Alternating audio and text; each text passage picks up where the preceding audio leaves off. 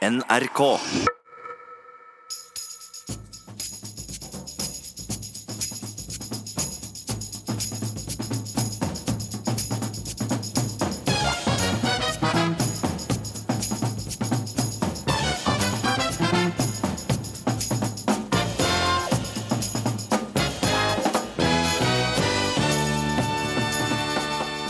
Drop-in og klipp på 15 minutter uten hårvask får frisører til å rase over kjeden Cutters. Jeg er frisør.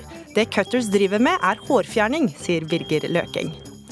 Katten har ingenting i norsk natur å gjøre, mener zoolog Petter Bøckmann. Og det får forfatter og tidligere polititopp Hanne Kristin Rode til å kvesse klørne. Katten har fått nok hets. Og Når skal disse diskusjonene om at kvinner ikke duger, når skal de ta slutt? Spør kommandørkaptein etter at forsker sa at kvinner i Forsvaret svekker Norges forsvarsevne. Men spiller det virkelig ingen rolle at gutta er sterkere enn jentene, når alt kommer til alt? Hei, du hører på Ukeslutt. Jeg heter Gry Veiby. Den neste timen skal du også få høre mer av disse. Når St. Halvard-guttene holder konsert for deg her i Ukeslutt.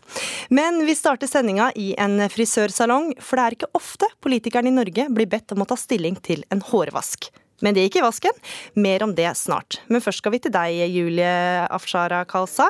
Du skal klippe deg, og det er ikke på hvilken som helst salong du er. Ja, nå sitter jeg i frisørstolen på Cutters, en kjede som har blitt sammenlignet med frisørenes McDonald's, og blir klippet av Isabella. Her er det ikke noe timebestilling, og jeg har blitt fortalt at klippen min den skal være ferdig på bare et kvarter. Og jeg må innrømme at jeg er litt nervøs. Det er hektisk rundt meg, det er musikk. Eh, nye kunder hvert 15 minutt, og vanligvis så bruker jeg ganske mye lengre tid hos frisøren, og liker å få en hårvask og massasje. Det blir spennende å se hvordan det går, Julia. For mens du blir eh, ferdig klippa, skal vi debattere dette konseptet som mange frisører mener utvanner frisørfaget. NHO Service og Handel vil at politikerne skulle klargjøre om kjeden Cutters får lov til å ikke tilby vask til kundene sine. Men det ville de folkevalgte ikke ta stilling til. Men det gjør du, Birger Løkeng. Du er kjent fra Homsepatruljen på TV3 og innehaver av frisørsalongen Billis. Du river deg i håret over å skulle klippe folk uten hårvask. Hvorfor det? jeg river meg vel ikke akkurat i håret, men jeg, jeg gjør Altså Jeg river deg litt i håret. Litt. Grann, altså, det, det, er vel hele konseptet som irriterer meg grundig. Det, det, er en senking av standarden som er helt fullstendig unødvendig. Hvorfor det? Hvorfor er det en senking av standarden? Å ikke vaske hår?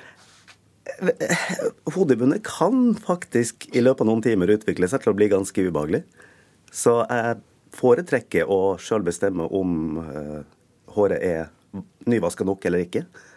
Kristian Hauge Solheim, du er gründer i Cutters, og dere skaper hodebry for mange og blir kritisert for å være uhygieniske. Hva sier frisørene deres om å klippe hår som ikke er nyvaska?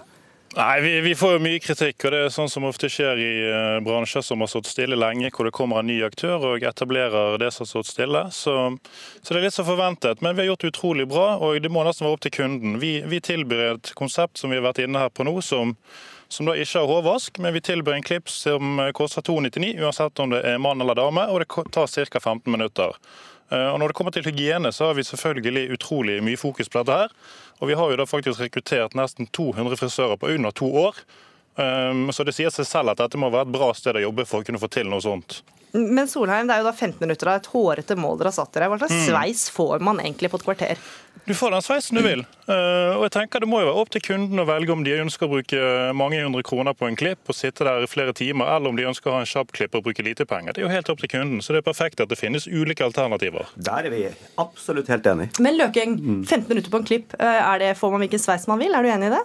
Nei, det gjør du ikke. Altså, Det tar lengre tid enn et kvarter. Det, det, er ikke mye jeg i det hele tatt kan få til på et kvarter. Det er det jeg bruker på konsultasjon og, og påbegynne hårvask. Som... Så når Solheim sier at du kan få hva slags sveis du vil, det, den kjøper du ikke? Nei, den stemmer ikke i det hele tatt. Men Solheim, det tar jo ikke så lang tid å vaske hår. Hvorfor ikke bare bruke noen ekstra minutter på det, da? Nei, det, dette er jo kunden som velger. sant? Vi har kommet inn med et konsept som Men du gir jo ikke kunden din et valg. Det, jo, det, har jo vi gjort i alle år. Det er jo ikke noe innovasjon dere driver på med. Altså Kundene våre har i alle tider kunnet valgt om de vil vaske håret eller ikke, men det må være opp til frisøren å vurdere om det her er hygienisk nok. Og det har vært reglene vi har forholdt oss til i alle år i frisørbransjen. For du mener at dette er konkurransevridende? At de kan slippe å Det- tilby vask? Det koster veldig mye penger å installere øh, uh, vaskeservanter i salonger. Uh, så senke standarden ned på det nivået her, det er noe jeg ikke er udelt med på i det hele tatt. Solheim? Ja, han, altså, han får jo mene det han vil. og Dette er jo typisk igjen som vi hører fra uh, aktører som har vært i bransjen i lang lang tid og ikke klarer å tenke nytt. Og Her kommer det et uh, nytt konsept som og her kommer det et nytt konsept som da tilbyr hårklipp på 15 minutter, fast pris 299 uansett om det er mann eller dame. Og da må det faktisk være opp til kunden om de ønsker å gå til Cutters, eller om de ønsker å gå til en dyrere salong, hvor det koster mer og tar lengre tid, og hvor du får hårvask. Løking, du har ikke bare litt hårsår, da? Hva med folks valgfrihet, hvis folk faktisk vil dra hit? Vet du hva, Det er jo ikke noe innovasjon i det her. Vi har stått med uh, billigsalonger i alle tider. Uh, og Cutters er en ganske dyr billigsalong. De er blant de dyreste jeg vet om. Uh, 15 minutter for 299, det begynner å bli 1200 kroner timen. Det er det vi tar hos meg. For vi jobber på timesbasis, så det er ikke verken billig eller innovativt. eller noen ting. Det eneste det er, en total radbrekking av faget. De fjerner de noen av de viktigste elementene vi har. Men det her er et håndverk vi driver på med. Du sier at det er gammeldags. men det du ønsker er å fjerne store deler av faget, eh, radbrekke det fullstendig og senke oss ned på et nivå som ikke jeg har lyst til å jobbe i. Det er en bransje jeg ikke har lyst til å være i. Ja, Solheim, altså det er jo det dine frisører gjør. De gjør jo bare en fjerdedel av yrket, da, sier eh, norske frisør- og velværebedrifter. Som mener også at dere raserer frisøryrket fordi at det ikke tilbyr vask, og frisøren deres vedlikeholder ikke yrket sitt. da. Mm, men faktum er at det må jo være lov å spesialisere seg. Det ser du innen alle yrker. Det er spesialister innen alt. Her får vi spesialister innen hårklipp som er utrolig gode på hårklipp. Og vi jobber selvfølgelig utrolig mye for at vi skal ha fornøyde ansatte. Så vi jobber bl.a. med å ha høyere lønninger, kortere arbeidsdager. Vi har, ingen far, altså vi har ingen kjemiske behandlinger, sånn som du får i farging og striping av hår. Og også vasking. Og det er det altså utrolig mange som må slutte i den tradisjonelle bransjen, som ikke kan jobbe med faget lenger, men de kan da fortsette å jobbe hos Cutters. Så dette er utrolig bra for ansatte også. Eh, altså, Valgfrihet har uh, frisør hatt i alle tider. Vi har spesialisert oss i alle år. Eh, jeg jobber stort sett bare med styling. Jeg står backstage mot ukene rundt i verden eh, og styler hår. Jeg har frisører som bare klipper, jeg har frisører som bare farver. Så det er ingenting nytt i det her. Det, du, eh, altså, eh, det jeg vet Curtis kjemper for, er å senke standarden eh, eh, i hele Norge, sånn at de eh, får godkjenning for å være en lærebedrift. For å få enda lavere lønnskostnader. Det er jeg overhodet ikke med på. Eh, Vi kan ikke senke standarden for å møte Cutters sin standard. Vi har en standard i Norge. Den må Cutters forholde seg til på samme måte som alle andre. Det Senker her er konkurransevridende, og det er fullstendig eh, urealistisk, egentlig. Du vil ikke kunne gi en ordentlig opplæring som lærebedrift heller, når du ikke tilbyr eh, hoveddelen av behandlinger som vi faktisk gjør i norske frisører. Så du skal få svare på. Nei, Det blir, det blir bare rett, og, rett og slett bare litt komisk å høre på. Cutters det er for de som ønsker en kjapp og enkel hårklipp, og det er et veldig bra sted å jobbe. Det er også derfor vi klarer å, jobbe, å vokse såpass fort, fort som vi klarer. Så, så det er egentlig ikke så mye mer å si til det. Og Så får konkurrentene de får tenke det de vil, men vi, vi fokuserer på kundene våre og våre ansatte. Så, så sånn er det. Men Løking, for å gå tilbake til hårvasken, hvorfor er den så viktig for deg som frisør? Jeg vet ikke om du kan tenke deg det sjøl. Altså, eh, hodebunnen er veldig forskjellig. Noen utvikler syrekapp i løpet av to timer, andre trenger to-tre dager. Eh, Det vet man ikke sjøl, men det å stå med en skarp kam og gre inn i en hodebunn der det er utvikla ja, noen har seboreisk eksem, det er veldig vanlig. Eh, Mer enn halvparten av befolkningen har i perioder av året litt eksem i hodebunnen. Eh, Å gre i det her etter noen timer der det har utvikla seg oljer, er rett og slett en ganske nasty opplevelse. Som ikke jeg har lyst til å utsette noen av mine ansatte for. Solheim, sånn som jeg forstår, så er jo ikke du frisør selv. Hva sier dine frisører om å ikke ha nyreint, vaska hår når de skal klippe? Nei, altså det, det er jo en grunn til at såpass mange faktisk søker om jobb hos Cutters. Og Det er fordi det er et utrolig bra sted å jobbe. Eh, Og som jeg var inne på, så er det faktisk utrolig mange frisører også som ikke kan jobbe i den tradisjonelle bransjen lenger. Så dere er et er alternativ til det? Mm. Ja, så det, for det er såpass mye farlige stoffer i i farging og striping av hår, også når du vasker håret. Så det er utrolig mange som faktisk må slutte i bransjen. Men dette er det ingen, dette er det ingen, Ja, dette er det ingen av konkurrentene våre som Nei. snakker om. De snakker kun Unnskyld. om Cutters og prøver å stappe kjepper i hjulet for Cutters. Men vi ønsker bare å være flinke ut, og- ut for kundene og ansatte. Så det er det, vi- det vi fokuserer på. Hvis jeg får lov å si noe der, Når du snakker om allergier, så er det noe vi har eh, levd med i veldig mange år. Men, men i 99 av tilfellene så er det kontaktallergi. Jeg har ennå ikke opplevd at noen ikke kan gå inn i en frisørsalong. Vi har mange ansatte som ikke kan farve hår. Det er helt vanlig, det. Eh, men det er kontaktallergi. Eh, de aller fleste utvikler allergier pga. vann og pga. Mm. hansker, så de kan allikevel ikke jobbe i cutters. Løking, hva skal til for at du skal klippe deg cutters, da? Det, det, det, heldigvis så trenger jeg ikke Det er ikke en problemstilling jeg trenger å Dere får ingen ny kunde der, eh, Solheim. Nei. Helt til slutt, eh, Solheim. altså Ifølge NHO er det mellom 150 og 350 nyetableringer innen frisørfaget hvert år. Men det er sjelden vi hører så mye om en ny kjede som vi har hørt om eh, Cutters. Hvor bra reklame er egentlig all denne ståken for dere? Nei, selvfølgelig. Det er jo god reklame for Cutters. Og vi, altså vi vi ønsker heller ikke å bruke tid på dette, egentlig. Vi ønsker kun å fokusere på å skape en god bedrift. Eh, så det er det vi ønsker å bruke tid på. Så nå ser vi fremover eh, til å legge denne saken død. Nå har altså helseminister Bent Høie han har gått offentlig ut og sagt at det aldri har vært noe krav om å tilby hårvask, og det kommer heller aldri til å bli noe krav om å tilby det. Så dette er da først og fremst en seier for alle kundene, så da kan fortsette å klippe seg for en rimelig pris og bruke kort tid på det. Og så er det også en seier for alle våre ansatte som da liker å jobbe i dette konseptet. Da skal vi tjene av kunden deres, for det er nemlig vår reporter nå, Julia Afshari Kaasa. Du er ferdig hos frisøren, hvordan har det gått? Du, det går veldig fint. Eh, jeg må innrømme at eh, jeg syns at denne luksusen som man får ved hårvask og massasje, den er nok litt savna, men jeg syns hårklippen ser veldig god ut. Og Klarte frisøren din å holde tida? Var det 15 minutter bare? Du, Hun ble ferdig på under 15 minutter. Vi ble ferdig på 13 minutter i dag. Mm -hmm. Hvordan var det å ikke vaske håret sitt, da? Hvordan føles det? Nei, man blir veldig selvbevisst av eh, at frisøren kanskje tar i hår som ikke er helt rent, men ellers så gikk det bra. Takk til deg, Julia Afshara Kaasa. Og takk til deg også, Birger Løkeng, frisør, og eh, Christian Hauge Solheim. Hvem ville du hatt ved siden av deg hvis du var stridende soldat i krig? En mann eller en kvinne? Det er et spørsmål som har blitt heftig debattert denne uka, etter at oberstløytnant Harald Høybakk spurte om rettighetene til kvinner er så viktige at vi er villige til å oppgi rikets sikkerhet. For spiller det virkelig ingen rolle at gutta er sterkere enn jentene, når alt eh, kommer til alt? Ukesluttsreporter Andrea Kvamme Hagen spurte grasrota. Vi er på vei inn på Sessvollmoen leir nord for Gardermoen.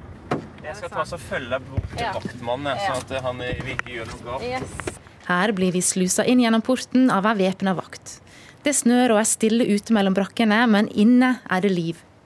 Der har Norges offisersforbund landsstyremøte, og det er liten tvil om hva som er dagens snakkis. Nei, man får jo nesten sånn freeze. Eh, hva er dette? Jeg skulle si unnskyld, hvilken planet er han på nå, da? Kommandørkaptein Patricia Flakstad har debattert likestilling i Forsvaret i årevis. Nå må hun i gang igjen. Ja, Vi får et sånn sug i magen, og så tenker jeg det at når skal disse diskusjonene om at kvinner ikke duger, når skal de ta slutt? Det blir liksom eh, reprise av eh, gamle fordommer som kommer opp. Når debatten skal ta slutt? I alle fall ikke denne veka. For oberstløytnant Harald Høybakk skrev en kronikk i Forsvarets forum om at hvis vi vil ha flere kvinner i Forsvarets spisse ende, er det OK. Men da må vi også akseptere at stridsevna faller. Det er knytta til den delen av, eh, av, strid og kamphandlinger hvor eh, styrke og utholdenhet er viktig. Det er en ganske liten del, og det jeg bruker som eh, analogi er jo til idretten, hvor det er ganske opplagt at kvinner og menn ikke konkurrerer i den type idrett. De kan konkurrere i sjakk og i skyting og sånn, men vektløfting, bryting og, og, og maraton, så er det ulike klasser. Og det tror jeg er grunnen til det, og det for folk flest er det ganske opplagt, det er at gutter og jenter har ulike fysiske forutsetninger. Det er i grunnen det jeg sier. Bare så det er sagt, Høybakk er for kvinner i Forsvaret. Det han snakker om, er de operative avdelingene, og som vil være i frontlinja. Problemet er hvis man eh, bruker mye tid og krefter på å rekruttere veldig mange kvinner inn i kampavdelinger, så kan man komme i situasjoner hvor kvinner ikke er sterke nok til å få kompisen ut av en brennende stridsvogn eller opp på dekk på en fregatt. hva det måtte være. Det er lett å forestille seg at det er situasjoner hvor styrke, utholdenhet rent fysisk er viktig. Men igjen, jeg gjentar, veldig mye av det vi gjør i Forsvaret er ikke basert på styrke og utholdenhet. Det er ikke første gang det blir debatt når spørsmålet om kvinner i Forsvaret kommer opp. Vi skrur tida tilbake til 1946, da forsvarsminister Jens Christian Hauge sa dette om temaet.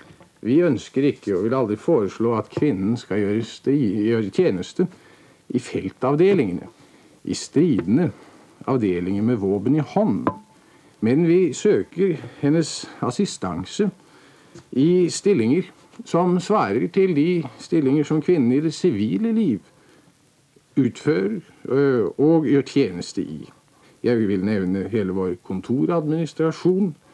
Jeg vil nevne sykehusene for sanitet. Jeg vil nevne kantinene. Det har skjedd en god del med det norske forsvaret siden den gang i 1946. Hvis eh, det blir krig i Norge, så skal vi eh, i 2. bataljon ut i kamp. Kari Maritza Kolbotn, løytnant i 2. bataljon, sitter på kontoret sitt i Skjold leir i Målselv kommune i Troms. Føler hun at hun er med på å svekke Norges stridsevne? Der er svaret mitt eh, veldig tydelig nei. Eh, og det vil jeg basere på mine egne erfaringer, både som da troppssjef for vernepliktige soldater, der jeg har gått fremst og vært et eh, forbilde for soldater som har kommet opp på et eh, høyt nivå, men som jeg på ingen måte har hatt problemer med å holde følge med, og da gjelder både gutter og jenter. Hva syns du om dette fokuset på fysikk, når man snakker om hvem er best egnet til å være i front? Det er så mange andre faktorer som spiller inn for at den fysikken skal være verdt noen ting. Eh, man må skjønne sin rolle i laget i troppen.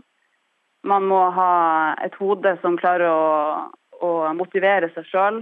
Eh, en kropp som eh, ikke bare er godt trent med tanke på masse muskler, men at det faktisk er en kropp som er bygd for å unngå skader. At man har drevet mye skadeforebyggende trening. Det ikke er de som nødvendigvis har høyest karakter på de fysiske inntakskravene, altså de, de generelle testene som nødvendigvis leverer best på fot i 20-30 minus på 36. timen på oppdrag. Det er det ikke. Brigadesjef i Hærens brigade Nord, Eldar Berli, er sjef for den aller største eininga i Forsvaret.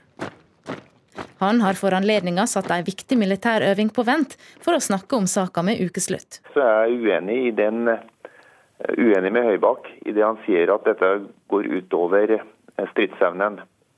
Vår erfaring og min erfaring er det motsatte. Det er at den økte andelen kvinner i senere år har økt stridsevnen vår. Og det, det er veldig positivt, for det er veldig mange andre faktorer enn det generelle opptaket på fysisk som avgjør hvor gode soldater og hvor gode avdelinger vi får. Dette her er jo ikke en idrettskonkurranse hvor vi tar ut de som løper fortest over en viss distanse, og så setter vi de inn. De skal oppnå et minstekrav for å komme inn. Og så er det gjennom grunnleggende trening og tester så velger vi ut den, og den enkeltes interesse, så velger vi ut hvem er det som passer best i den enkelte stilling. Berli er ikke bekymra for Norges stridsevne. Jeg er overhodet ikke bekymra, og da er det ikke noen grunn heller for andre der hjemme å bli bekymra basert på at det er noen som mener at det er grunn til å diskutere kvinner i slike stillinger. Men det finnes de som er nervøse. Det viser et avisinnlegg fra ei anonym kvinne i Aftenposten nylig, som hadde følgende budskap. Se for deg at vi er i krig. Vi må forsvare oss. Det vi har, det vi er. Jeg kysser min mann farvel, han drar ut med troppen, de havner i skuddveksling, han blir skutt. Hvem skal bære ham i sikkerhet? Kvinnen som på øvelser ikke klarer å bære sekken sin selv? Er dette soldaten som kan koste min mann livet? Så hva tror Harald Høybakk sjøl? Hvorfor blir det så mye støy når han skriver en slik kronikk? Nei, Det denne uka her har fortalt meg, er at eh, likestillinga i Norge har kanskje enda et stykke å gå. fordi at eh, Når man snakker om likestilling i Norge, så forsvinner nyansene veldig fort. Man får fort tunnelsyn, man tillegger sine meningsmotstandere synspunkter de ikke har. Så jeg ser fram til den dagen hvor vi kan diskutere også dette spørsmålet med innestemme og uten å karakterisere hverandre. Tror du noen synes at det er en litt vanskelig debatt å, å snakke om? Jeg tror det er en, en, ubehagelig debatt, men Forsvaret vi driver med makt og avmakt, og vi må være tøffe nok til å ta de ubehagelige diskusjonene også. Det er riktig det vi driver med.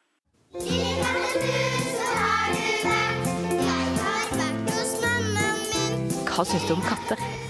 Jeg er ikke imot katter. Men jeg er imot at kattene går ute fritt. Det er vel de som tar mest vilt og fugl rundt om i Oslo-området. Hva sier du til Petter Bøckmann som sier at katten ikke har en naturlig plass her i Norge? Det kan jeg ikke forstå, fordi det er jo så mye mus og rotter rundt omkring. Og det er så mye ensomme mennesker som har godt av å ha en katt å klappe på. Bør det bli færre katter her i landet? Jeg aner ikke hvor mange katter det er i landet, så det har jeg ikke noe formening om. Skal jeg være ærlig. Men kanskje for mange i byen som er ute. Hvor bør kattene heller være? Kanskje på eh, landet.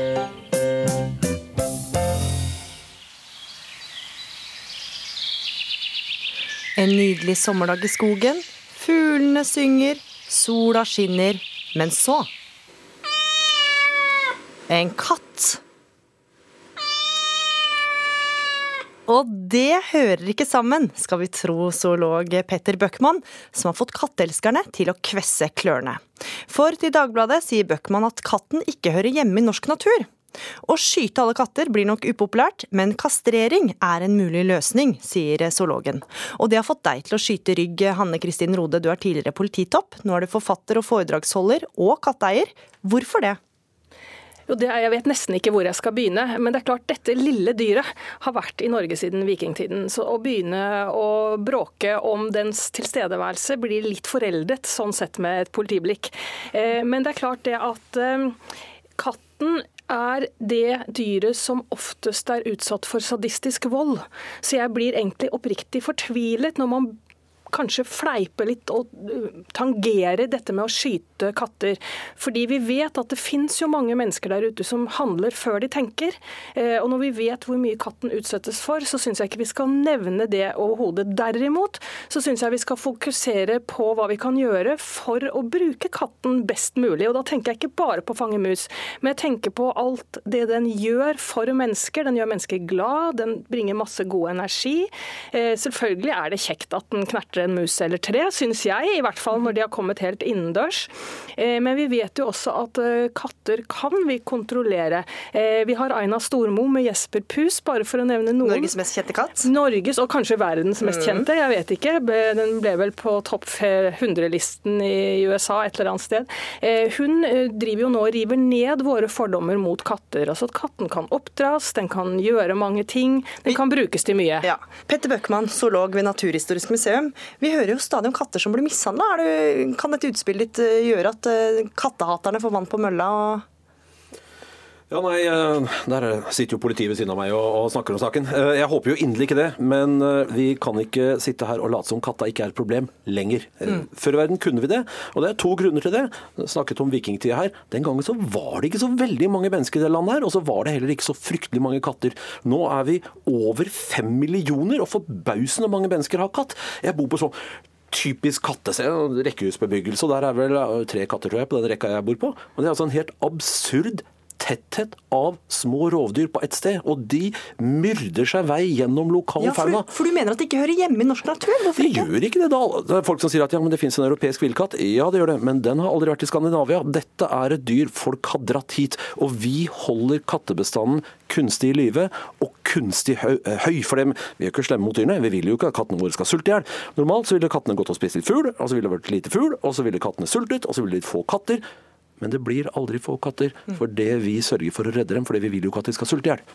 Hanne Kristin Rode, forskning viser at katter er en belastning på andre dyr, og de dreper jo masse katter. I Norge ifølge Mattilsynet så er det 750 000 katter som jakter i norsk natur og de antar at de dreper ca. 3,5 million fugler i året. Har den egentlig noe i Norge å gjøre? Ja, altså, Jeg vil bare gjenta, den har vært her siden vikingtiden, og begynne å diskutere om den hører hjemme her eller ikke. Det blir litt pussig for meg. Jeg syns det er å snu det opp ned. Men jeg er enig i at det er veldig mange katter, og jeg skulle ønske at det fantes langt flere katteeiere som forsto nytten av å sterilisere og kastrere, sånn at vi fikk kontroll. Så er det en stor Der er dere vel enige? Ja, der tror jeg vi er veldig enige. Så er det en stor um, gruppe katter som da ikke har noen eier eier som lever vilt. eller forvillet, for å si det sånn. Det er jo ikke noen løsning å drepe disse dyrene, men det som er løsningen er jo å kastrere, sterilisere og gi dem habitater, gi dem mat, og etter hvert blir de tammere og kan eventuelt flyttes inn til menneskene. Og Hvis menneskene har sunt vett, så er jeg faktisk dypt uenig i at katten er et problem. Men tar de ikke fortsatt fugler, selv om de er, bor hos mennesker og har det godt? Katten tar fugler, det er det ingen tvil om. Men eh, jeg har sjekket litt før jeg kom hit i dag, og det er absolutt ikke noen klokkeklar forskning på at katten er en stor trussel for fuglene. Katten lever jo ganske nær mennesker, mens vi har uendelig med skog i Norge, så fuglen trenger ikke å leve nær mennesker. Eh, det er jo menneskene i bottom line som faktisk spiser seg inn på dyrenes habitat. Så da ville man kanskje se for seg at Hakke Hakkespett hadde lyst til å skyte oss, men det blir jo å snu det litt på hodet. altså, Ingen tvil, det er mennesker som er problemet her. Eh, det er mengden mennesker. I Norge så er vi, som, som Rodar sier, heldige i den situasjonen. Det er ikke så skrekkelig mange av oss. Det er relativt mye villmark. Hvis du ser på England f.eks., hvor en del av disse undersøkelsene er gjort, så er det mye mer folk, mye mer katter. Og der ser vi at rundt la oss si, en, en landsby på bygda i England, så forsvinner kanskje 30% av de småfuglene som flyr ned på bakken, spurv f.eks. Det betyr 30% mer skadeinsekter f.eks., som da ikke blir spist av disse dyrene. Sånn at jo, katten har en virkning, men det skjer i mørket, det skjer i buskasekratt, det skjer ikke der vi er. Sånn at vi ser det ikke så tydelig. Samling dette her med å ha bil. Eh, for ja, Etter krigen så var det sånn det var helt greit at folk hadde bil, for det gjorde jo ikke noe skade. Jeg kjørte på en folk i ny men altså, i seg selv gjorde det ikke. I dag så vet vi at det blir svevestøv, det blir CO2, det blir alt mulig rart. Om en generasjon er det kanskje sånn at det er ingen som har bensindrevne biler, fordi vi vet Også er et da vil problem. si at Om en generasjon er det ingen som har katter, kanskje? eller? Om en generasjon har vi kanskje et litt annet syn på katter også. Vi er nødt til å se i øynene at kattehold er et problem. Ja, katteholdet kan være et problem, men ikke katten. Hvis menneskene er fornuftige og kastrerer, steriliserer og forstår ansvaret ved å ha en katt, forstår at man kan ikke reise på en tre ukers ferie og la katten gå ute, men faktisk må sørge for at noen mater den, eh, at noen tar hånd om den. Vi har alltid pus med på ferie her i Norge. Det skulle bare mangle. Jeg vil jo være sammen med de jeg er glad i. Det er en del av familien din. Hun er en del av familien. Hun er faktisk dronninga. eh, Den absolutt ypperste. Eh, Men, det som er poenget, er at eh, jeg blir veldig engstelig for at eh, et litt flåsete utsagn som at kanskje det er litt too much å drepe, drepe en katt, kan bære galt av sted. Jeg er veldig bekymret for volden og plagingen av katter. Jeg ønsker en bevisstgjøring. Jeg ønsker at vi skal se at katten kan ha en funksjon med kyndig kattehold. Akkurat som kyndig hundehold. Ja, Bøckmann, Og så er det også katter har en helsebringende effekt, sier forskning. Ja da, eh, men da snakker vi om innekatt som faktisk går og har en helsebringende effekt. Den katta som løper rundt i skauen bak huset og myrder ekorn og småfugl, har ikke en helsebringende effekt når den er der.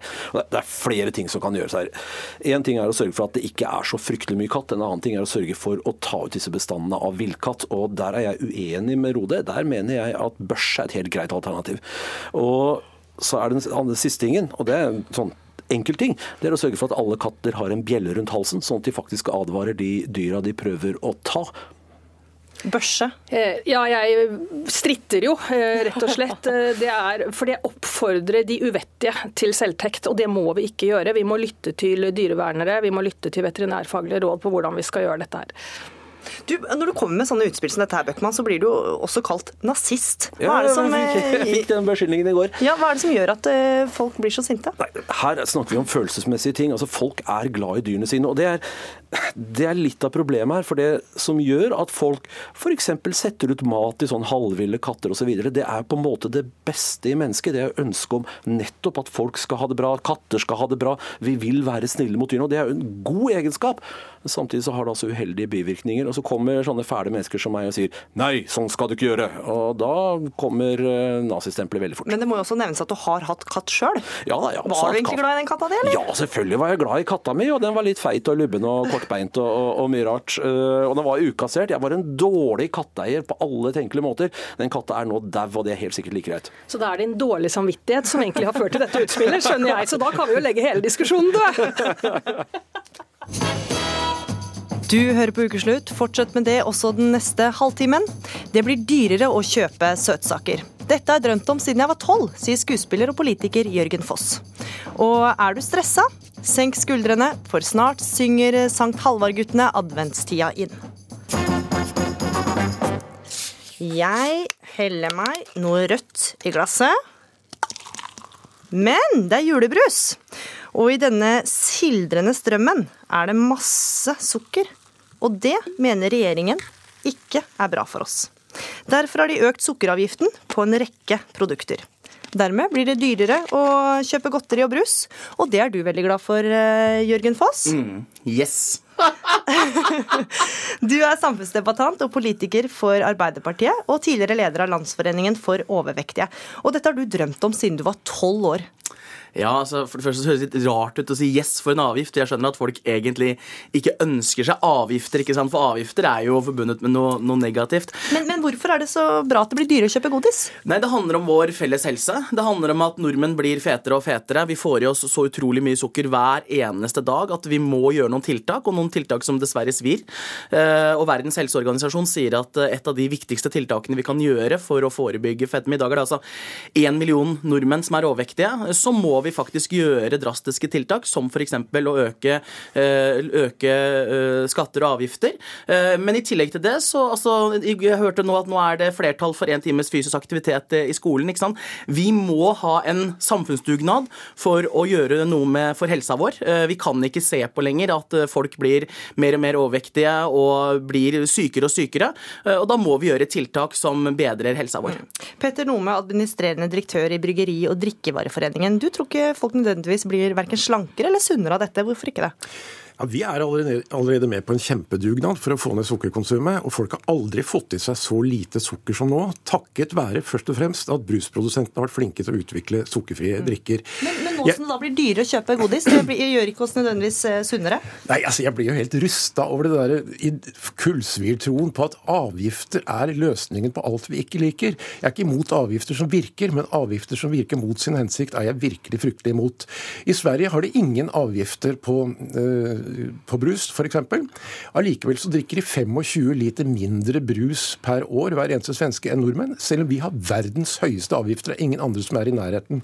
Og det vi vet nå, når avgiftene øker, så kommer denne grensehandelen med Sverige, som allerede er meget stor og eksplosiv, til å øke enda mer. Det vi gjør, er å sende sukkersugende folk til Sverige for å hamstre, fylle opp bilen, garasjen og spiskammerset. De kjøper mye mer enn de ellers ville gjort. De kjøper de usunne produktene. Så dette tror jeg virker mot sin hensikt, i tillegg til at vi flytter verdiskaping og arbeidsplasser over grensa. Vi skal høre reaksjonene fra da svenskene fikk vite, eller det ble kjent, at det ble dyrere med sukker i Norge. Godis er godt. Vi er så glade, jetteglade, for nå får vi enda mer nordmenn hit. Ja, Jørgen eh, Foss. Hvis man først reiser til grensa, er det jo ikke så rart hvis man hamstrer og kjøper med seg masse godteri hjem, og da blir man jo ikke nødvendigvis eh, så veldig mye sunnere. Jeg eh, tror at uh, dette er å rope litt ulv, ulv. Uh, jeg tror faktisk at Jeg tror på Verdens helseorganisasjon. Uh, og jeg tror på at dette er et viktig tiltak for å forebygge. når det er sagt, så håper jo jeg da, og tror at folk trenger et hjelpemiddel. fordi at folk kommer til å drikke brus. Absolutt, det kommer de til å gjøre. og jeg håper at folk velger lightent brus fremfor sukkerholdig brus. og det er jo målet her. ikke sant, At vi må gjøre tiltak som får forbrukerne til å velge riktig, sunnere og mindre sukker. Og så må jeg jo skryte, jeg syns det er kjempebra at man gjør tiltak som, eh, som næringen gjør. Det syns jeg er helt fantastisk, og det håper jeg de fortsetter med. For vi trenger denne samfunnsdugnaden. Men eh, Petter Nome, det er jo vel ingen grunn til å tro at folk nå kommer til å kjøre i haugevis ut mot grensa og kjøpe godis? Jo, men det gjør de jo allerede. Altså Grensehandelen med Sverige økte med 11% de siste tolv månedene. I tillegg så har regjeringen utvida grensa for nett, privat netthandel med Sverige. Det er masse selskaper nå i Sverige som spesialiserer seg på å sende billass på billass med godteri og brus til Norge. Du kan kjøpe for 350 kroner i slengen så mange ganger du vil. Så dette er jo fullstendig uten eh, konsistens. Julebrusen Det har aldri vært så mye julebrus uten sukker som nå. Ja, men, men den julebrusen uten sukker er akkurat den samme avgiftsøkningen som den brusen med sukker. Ja. Og det må vi gjøre noe med. Det er jeg helt enig i. Men eh, Petter Nome, altså vi andre som går i butikken og rasker med oss litt godteri, det har jo ikke så mye å si. Det kan jo ha mye å si at godteri faktisk blir litt dyrere, da? Altså, For de fleste av oss drar jo faktisk ikke til Sverige, selv om grensehandelen øker. Altså, nå kan alle handle i Sverige, enten du bor på det ytterste Nøgne ø eller hvor du bor hen, for du får jo i posten tilsendt fullstendig uten moms og mm, avgifter. Så det å si at man ikke kan dra til Sverige, det er bare tull når vi ser at denne, greia, at denne grensehandelen øker. Det, altså, vi, vi har akkurat det samme på øl, f.eks. Vi har verdens høyeste ølavgifter. Vi ser at eh, smuglingen av øl er mer enn tidoblet siden årtusenskiftet. Så det vi opplever Altså, Avgifter er tydeligvis et slags sakrament for Kristelig Folkeparti og en del mennesker. Men, Men indirekt, her, indirekte så er dette en driftsstøtte til svenske kjøpmenn og til polsk mafia. Verdens helseorganisasjon, jeg skal svare. I en lukket økonomi så kan helt sikkert avgifter ha en mening i et lukket marked, men Norge er ikke lukket. Vi har en utrolig lang grense mot Sverige. Vi har en veldig åpning for, for netthandel uten avgifter.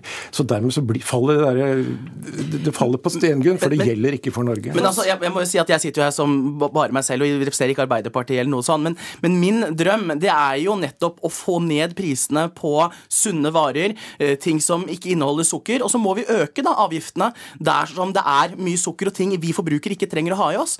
Jeg mener jo at uh, det er helt rart at man skal ha samme sukkeravgift på en lightbrus som en sukkerholdig brus. men Foss, tilbake til Ja. denne avgiften. Altså den 150 gram Stratos som i dag koster 35 kroner, Mm. kommer etter avgiftsøkningen til å koste 37 kroner. Ja, er det krise? Er det så mye? Ja, nei, altså, det er ikke et godt Tror du ikke spørsmål. Jeg tror, jeg, altså, Hvis man har lyst på sjokolade, så kommer man til å kjøpe sjokolade. Vil det ha noen effekt? Ja. Ja fordi altså, Hvis du står der da mellom en cola og en Cola Light, så håper jeg at folk velger den Cola Lighten fremfor den colaen. Ja, Men det er Uh, samme, samme prisen sånn som det er i dag, vet du. Så da jo, men Der er jeg jo helt enig at vi må gjøre noe med det. Ikke sant? Vi må gjøre noe med avgiften slik at den faktisk blir reell. Ikke sant? At det er forskjell på å kjøpe light versus og det å kjøpe da sukkerholdig eh, brus. Men har du lyst på sjokolade, selvfølgelig kommer du til å kjøpe den sjokoladen. Men jeg håper at kanskje at man tenker en ekstra gang, for vi må gjøre noe for folks helse. Vi kan ikke sitte vi kan, Jeg har ikke samvittighet jeg, til å lukke øya for at barn dør pga. at de får i seg for mye sukker. Vi må gjøre noe, og da mener jeg at et, et av tiltakene det er å øke sukkeravgiften, slik at, eh, forbrukerne, at det blir enklere for forbrukeren å velge et light-produkt fremfor et sukkerholdig produkt. Jeg er helt enig at vi må gjøre noe for folks helse. Derfor har altså min bransje, brusbransjen, gjort masse for folks helse. Ja, men hør her. Noe av grunnen til at vi har fått til dette, er at vi har brukt millioner av kroner på å utvikle sukkerfrie drikker, på å markedsføre sukkerfrie drikker. Og det har vi kunnet gjøre fordi vi har hatt et slags fredsslutning med myndighetene. Men vi kunne jo også Den- lese at sukkerfrie produkter ødelegger tennene, da. Så det er jo ikke bare Men la meg, nå, la meg nå fullføre her. fordi at Vi har hatt, trodde vi, forutsigbare rammevilkår. Høie har sagt avgiftsøkning er ikke i hans verktøykasse. så Derfor så har vi hatt fred og kunnet tenke langsiktig, kunnet investere i sukkerfrie produkter. Nå er teppet revet bort under dette. Mange busprodusenter er nå helt i villrede. Hva skal de gjøre for å motvirke svenskehandelen? Kanskje vi får priskrig på sukkerholdig brus? Ikke vet jeg. Men altså, vi hadde situasjonen under kontroll. Nå har regjeringen med Kristelig Folkeparti som eh, hjelpesvenn bidratt til å bringe det ut av kontroll. Og ingen av de er jo her eh, i dag, men forsvareren deres er jo en eh, politiker fra Arbeiderpartiet. Ja, men altså, jeg må bare si at jeg jubler når jeg hører at næringen, og jeg vet jo, jeg har sett også, at næringen gjør masse tiltak for å få frem eh, sukkerfrie produkter. Det, altså, da, da kjenner jeg blir skikkelig glad, og det håper jeg de fortsetter med. Og så har vi en helseminister da, som har sagt at han ikke vil bruke, men jeg er glad for at Kristelig Folkeparti går inn her og sørger for at vi faktisk hjelper forbrukerne til å ta gode valg, fordi jeg mener at helsa vår, den er absolutt viktigst. Jørgen Foss og Petter Nome, takk for at dere var med i Ukeslutt. Har du ikke hørt om eh, rampenissen, sier du?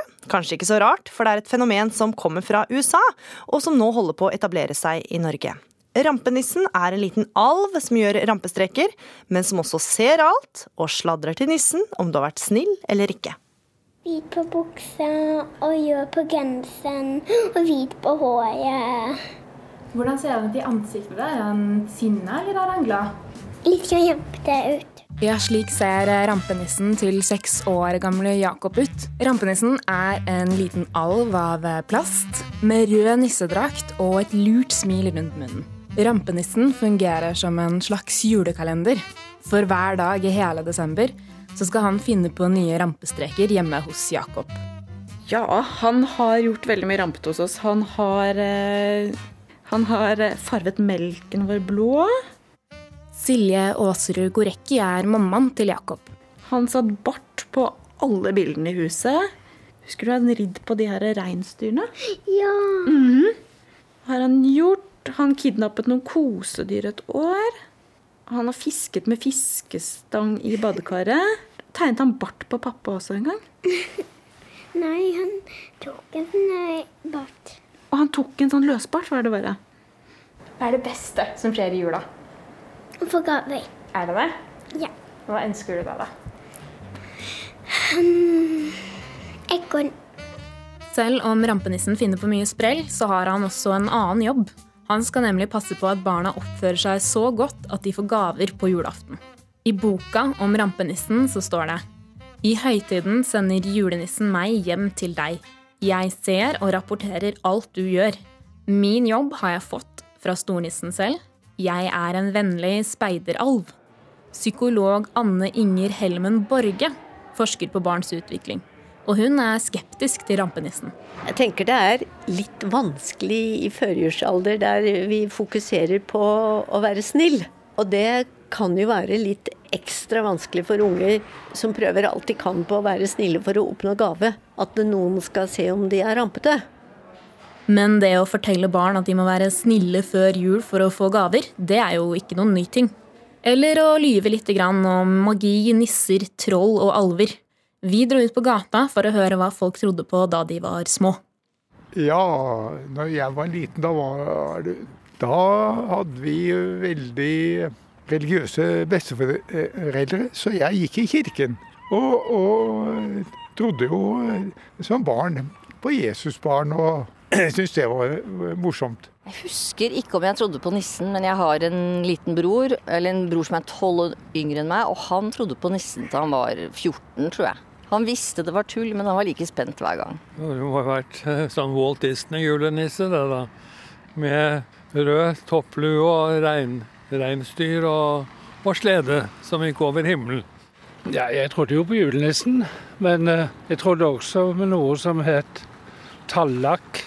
Som kom på lille julaften og kom med klatra opp i annen etasje med en sånn hestehov og, skrev, og heiv sånne sånn saltlake på vinduet. Og, og tallak med staven kalte vi han, og han var farlig. Så han måtte vi være god kompis med. Hver eneste morgen når Jakob står opp, så har nissen flytta seg til et nytt sted. Jakob har lyst til å vise meg døra til rampenissen. Den er bitte liten, som døra på et dukkehus. Den sitter fast på veggen i stua, og ingen mennesker kan åpne den døra. Den er bare til rampenissen. Oi, der er den! Oi, den var liten. Kommer, når er det den døra står den her hele året, eller? Mm, ja. Hvor er det den døra går hen, da? Vet du det? Inn til huset hans, eller hvor er det han går da? Når han går inn dit? Jeg vet ikke. Ifølge boka om rampenissen så sniker rampenissen seg inn i den lille døra hver kveld for å avlegge rapport til julenissen om hvordan barna i huset har oppført seg i dag. Psykolog Anne Inger Helmen Borge tror at det kan være litt skummelt for barna. Og unger vil da oppfatte det som litt sånn politi, litt sånn kontroll, ikke sant. Er dette en ny oppfinnelse som skal være med å bestemme om jeg skal få gaver til jul eller ikke? Og det er jo ikke noe veldig bra pedagogisk, fordi det, det er straff. Og vi vet at straff er det dummeste du gjør. Ros til unger virker. Men hjemme hos Jakob så er rampenissen bare en rampenisse, og ikke noe politi.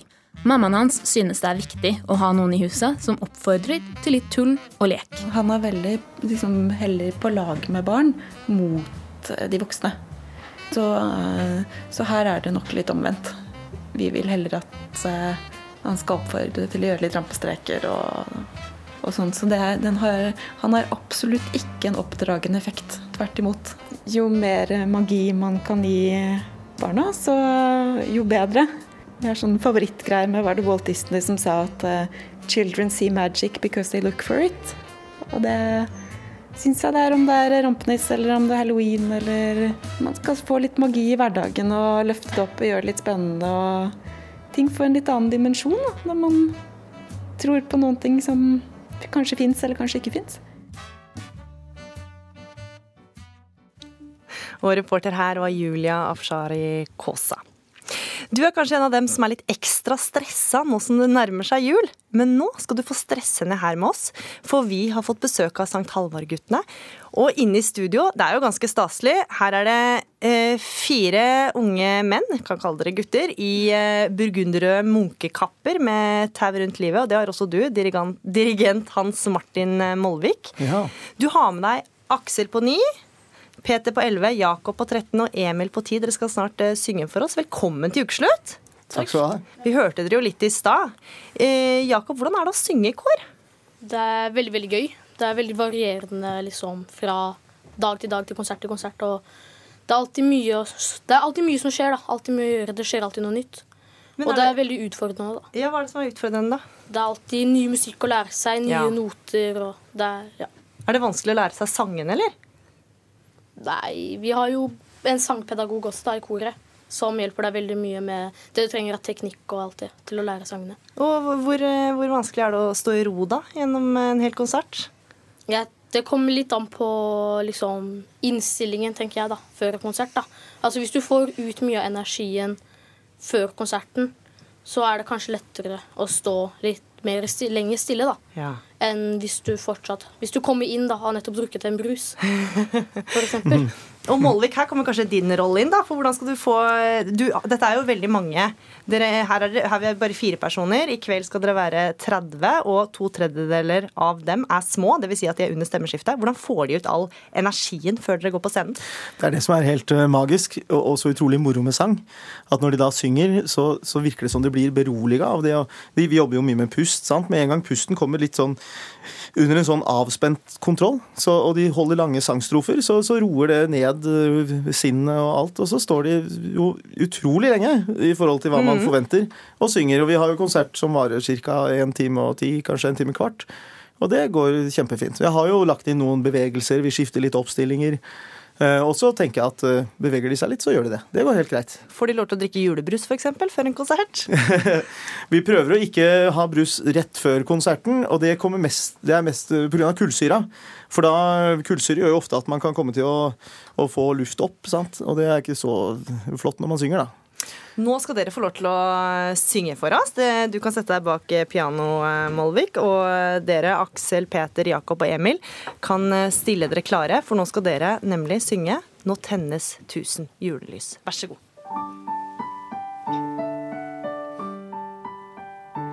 Nå tennes tusen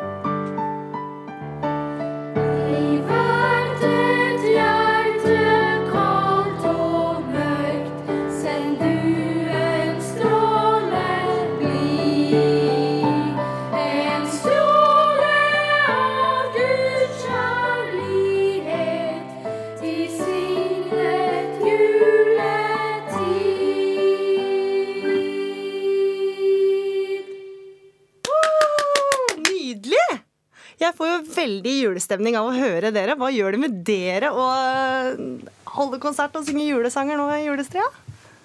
Nei, eh, det er jo utrolig deilig, da. Få en sånn Ja, vi skal da si at julestemninga sitter i veldig lenge. For vi begynte jo allerede forrige helg, og så skal vi holde på helt fram til eh, julaften i hvert fall. Blir dere lei av sangene dere synger, eller Jakob?